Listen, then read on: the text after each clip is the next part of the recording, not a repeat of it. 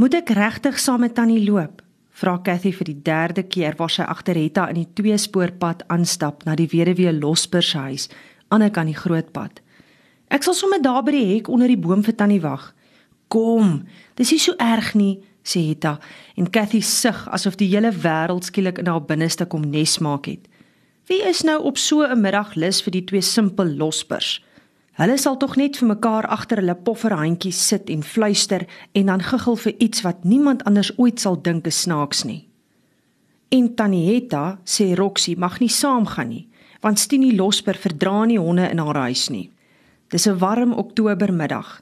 Die bome se blare is 'n opgewekte sagte groen, asof 'n mens net daaraan wil vat, dink Cathy en slenter agter Tanietta aan. Dit is veral die bome met die skerp hakdorings. Klein Jakob sê dis blinkblaar waggebietjies wat vroeg saam met die windstinkhout nader aan die rivier eerste blare kry. Dit is mooi vir jaar, al is die gras nog wintergoud. Henny sê dit het nog skaars 4 druppels gereën, maar na die verskriklike droogte waarvan die groot mense praat, is enige reën al 'n genade, sê ou Jakob. David sê sy pa sê dit lyk na 'n goeie reënjaar. Dit het nog net 'n paar druppels vroeg in September gereën, Maar Cathy het gehoor oom Gert sê vir Tannie Hetta, dit is goed so, want dit moenie voor oom Paul se verjaarsdag reën nie, want dan is dit nie 'n goeie jaar nie. Cathy loop en wonder wie die oom Paul nou eintlik is, want sy ken nie 'n oom Paul nie. Seker een van die kerk se mense. Miskien 'n ouderling of iets. Jy raak agter, roer jou riete. Tannie Hetta het gaan staan en omdraai om vir haar te wag. Ek het nie riete om te roer nie, sê Cathy en stap stadiger. Tanita lag. Ek wil nie by die lospers gaan speel nie, bly Cathy teem. Ek hou nie van hulle nie. Hulle is lelik met my. Ons gaan nie kuier nie, my kind. Tannie moet net die room kan vir Tannie Stinie terugvat, anders kry ons nie hierdie week room nie. Jy help my dan altyd dra. Tannie ken nie daardie twee nare susters nie. Ons kry net ons vars room en ons loop.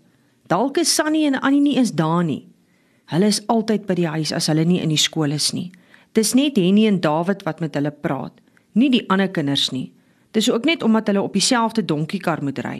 Moenie naar wees nie, Cathy. Kom. Hulle stap in stilte verder. By Varkensfontein se hek gee Hetta die roomkannetjie vir Cathy om vas te hou terwyl sy die bekslatter versigtig oopmaak. Hulle loop deur terwyl Hetta die hek aan die paal vashou sodat dit nie heeltemal oopspring nie. Toe hulle deur is, net voordat hulle oor die groot pad gaan, bly Hetta 'n oomblik met die hek so in haar hand staan en tuur van die hoogte af oor Varkensfontein. Die groen bome langs die pad, eers die duisel se plaashuis regs en dan hulle eie kleiner bywonershuis en agtertoe die hopies grys langs die leë kleims waar die delwerye eers was. Reg voor hulle vleise kant toe, die groen soem al met die loop van die rivier langs. Dankie Here, bid het haar hardop sonder om haar oë toe te maak. Hoekom bid Tannie? Ek sê dankie vir die mooi veld. Kyk hoe groen is die bome al. Onthou jy nie hoe droog dit laas jaar was nie? Ek onthou net effens, maar julle praat so baie van die groot droogte dat 'n mens dit nie kan vergeet nie. Het haar lag, maak die hek toe en hulle stap oor die pad twis nie toe. Luister net, sê Hetta en gaan vir 'n oomblik staan. Dis die Piet my vrou. Hulle is altyd vroeg Oktober al terug. Waar was hy dan heen? Noorde toe dink ek. Van die een hoë wit stinkhout na die ander onder by die rivier, volg hulle die voël se fluit sonder dat hulle hom kan sien. Dit is nie meer droog nie, sê Hetta. Maar die armoede woon nog hier tussen ons. Sy sug. Niemand het geld nie maar ou donkie wil 'n trekker koop. Hulle stap aan en Cathy besluit om nie weer te vra of niemand meer op Varkensfontein werk sal hê nie. Sy weet sy vra verniet, want niemand antwoord haar regtig nie. Die groen voordeur van die weduwee Losper se huis gaan oop nog voordat Hetta en Cathy by die werfhekkie is. Middag, groet Stinie en kom op die stoep uit. Cathy verkyk haar altyd aan die vrou se kort armpie. Grillerig, dink Cathy, en sy wonder altyd hoe dit moet voel om aan die stompie te raak. Op die stomppunt waar 'n arm en 'n hand moet wees, is daar heeltemal niks. Niks, dink Cathy. "Wat kyk jy?" vra die vrou. Cathy sien sy praat met haar en sy kyk vinnig weg. Ek bring net die leë kan en kom haal ons room. Tannie Hetta maak die hekkie oop en loop in die paadjie af stoep toe. Weerskante van die paadjie is twee rye stene, skuins teen mekaar gepak. Twee rye rose wat rooi blom en agter die smal beddingkies rose is die werf skoon gevee. Die hitte slaan bedompig uit die grysgrond op. Verder van die paadjie af, aan elke kant, presies ewe ver van die paadjie af, blom twee perskebome al in 'n sagte pink. "Kom in," sê die weduwee los verbod. En toe Cathy beweeg, voeg sy by: "Die kind moet buite wag." Cathy weet dat sy die kind is en dat sy buite op die stoeptrappie sal moet sit en wag totdat Tannie Hetta weer by die deur uitkom met die kannetjie vars room. Tannie Stinie los die groen voordeur oop. "Jy het ook maar lekker dik geword," hoor Cathy die afarm vrou vir Tannie Hetta sê toe die twee die huis inloop. Cathy gaan op die trap sit. Dis warm en sy kan sien dat die kweekgras op die stoep ook net so verlang na reën as die gras langs die pad waar langs hulle gekom het. Sy sit met haar bene opgetrek en haar ken in haar hand en kyk oor die veld tot daar waar die delwerye was. Klein Jakob sê mos sy het 'n groot diamant. Sy wens hy het een gehad, want dan het sy varkensfontein gekoop vir haar en vir Tannie Hetta. Dan kan Jakob hulle bly al kan sy twee trekkers en 'n nuwe ploeg bekostig. Dan sal sy eendag met 'n arme man trou en hulle sal ryk wees omdat sy 'n diamant het. Droom jy alweer? Cathy hoef nie eens om te draai nie. Die gegiggel agter haar sal sy tussen 50 kinders uitken. Ek droom 'n heks kom toer julle tot in Johannesburg, sê sy, en toe sy omdraai, is die twee susters weer die huis in. Sy glimlag.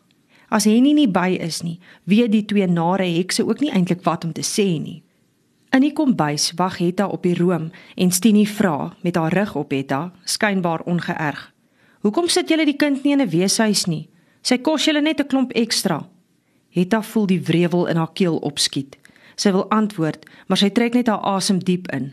Om vir Stinie losper te antwoord is soos om 'n veldbrand wind af te jaag. Almal op muur se hoop weet tog, Stinie se tong is soos 'n slang wat iets kom soek om te pik. En as jy op haar reageer, pik sy weer. Sy soek al ewig moeilikheid en as sy dit kry, is sy verbaas oor die moeilikheid. 'n Mens moet haar net nooit antwoord nie. Maar maklik is dit nie, weet Etta. Cathy is 'n liewe kind, sê sy dan maar. Dis nie wat Gert sê nie, asof sy heeldag en aldag met Gert kuier. Gert was ver oggend weer hier by my, Stinie bly moedswillig stil voordat sy haar stelling voltooi. Die melk gebring.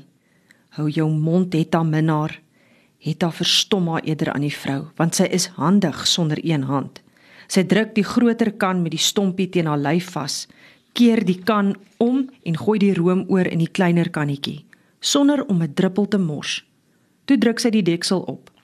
Nogtans moet Hetta erken terwyl sy na die vrou kyk, 'n besonder mooi vrou Mooi lyf. Hetta bekyk die weduwee losper. Die groen rok is kort, seker om die twee mooi bene te wys. Lyk altyd of sy op pad is dorp toe. Die kraag is nogal laag en breed weggevou met 'n stryk wat tussen die borste afhang. Lyk of sy dorp toe gaan, maar almal weet dis maar net haar manier om te kyk watter man sy kan vang, dink Hetta en betug haarself omdat sy besef haar oordeel is nie heeltemal sonder jaloesie nie. Die droogte moes jou ook seker hard geslaan het, Stinie. Probeer Hetta vra kwade gevoelens kompenseer. Ag, wat? Ek wil lankal verkoop. My deel van Twisnie is te klein om op te boer. Jy weet mos hoe die ou mense hulle plase tussen 20 kinders probeer verdeel het. Dit lyk darm of Donkie Duisel my grond ook wil koop. En waar gaan jy dan heen? Hetta is bang die ander een kan die verligting in haar stem hoor. Ek weet nog nie. Miskien dorp toe, dalk nog stad toe of 'n ryk man soek? Ons sal maar hier bly, sê Hetta. Ons bly nog lekker. Ons wag net om te hoor wat Donkie gaan maak nou dat hy 'n trekker wil koop. Gert sê hy is moeg vir Varkensfontein, sê Stinie toe sy die kan langs Hetta op die vloer neersit. In die gangdeur staan die dogter soos twee wasbeelde. Groet nie en guggel so waar nie eers nie. Ons is gelukkig op Varkensfontein, sê Hetta en tel die kan aan die hingsel op. Dis nie wat Gert sê nie. 'n Wag voor jou mond het aan minnaar. Maar so maklik gee die weduwee nie op nie. Wat Gert en jou sien, weet ek ook nie altyd nie. Jy's so gewoon, So vervelig. Hetta loop sonder om te groet. Die dogters mompel weerskante van die gang deur agter hulle dik hande. Cathy moet amper draf om by te bly. Sy moet selfs die hek agter hulle toemaak. Ek dog ons moet nog by tant Gertryda aangaan om te hoor of sy wil botter hê, vra Cathy toe sy besef hulle gaan skoon verby en nie hulle se huis loop. Ek was by genoeg agterdeure in vir een dag, sê Tannie Hetta. En Cathy verstaan nie wat dit beteken nie. Is die simpel losper se stoep dan by hulle agterdeur? By die huis gooi Tannie Hetta 'n hoofpynpoeier in haar keel.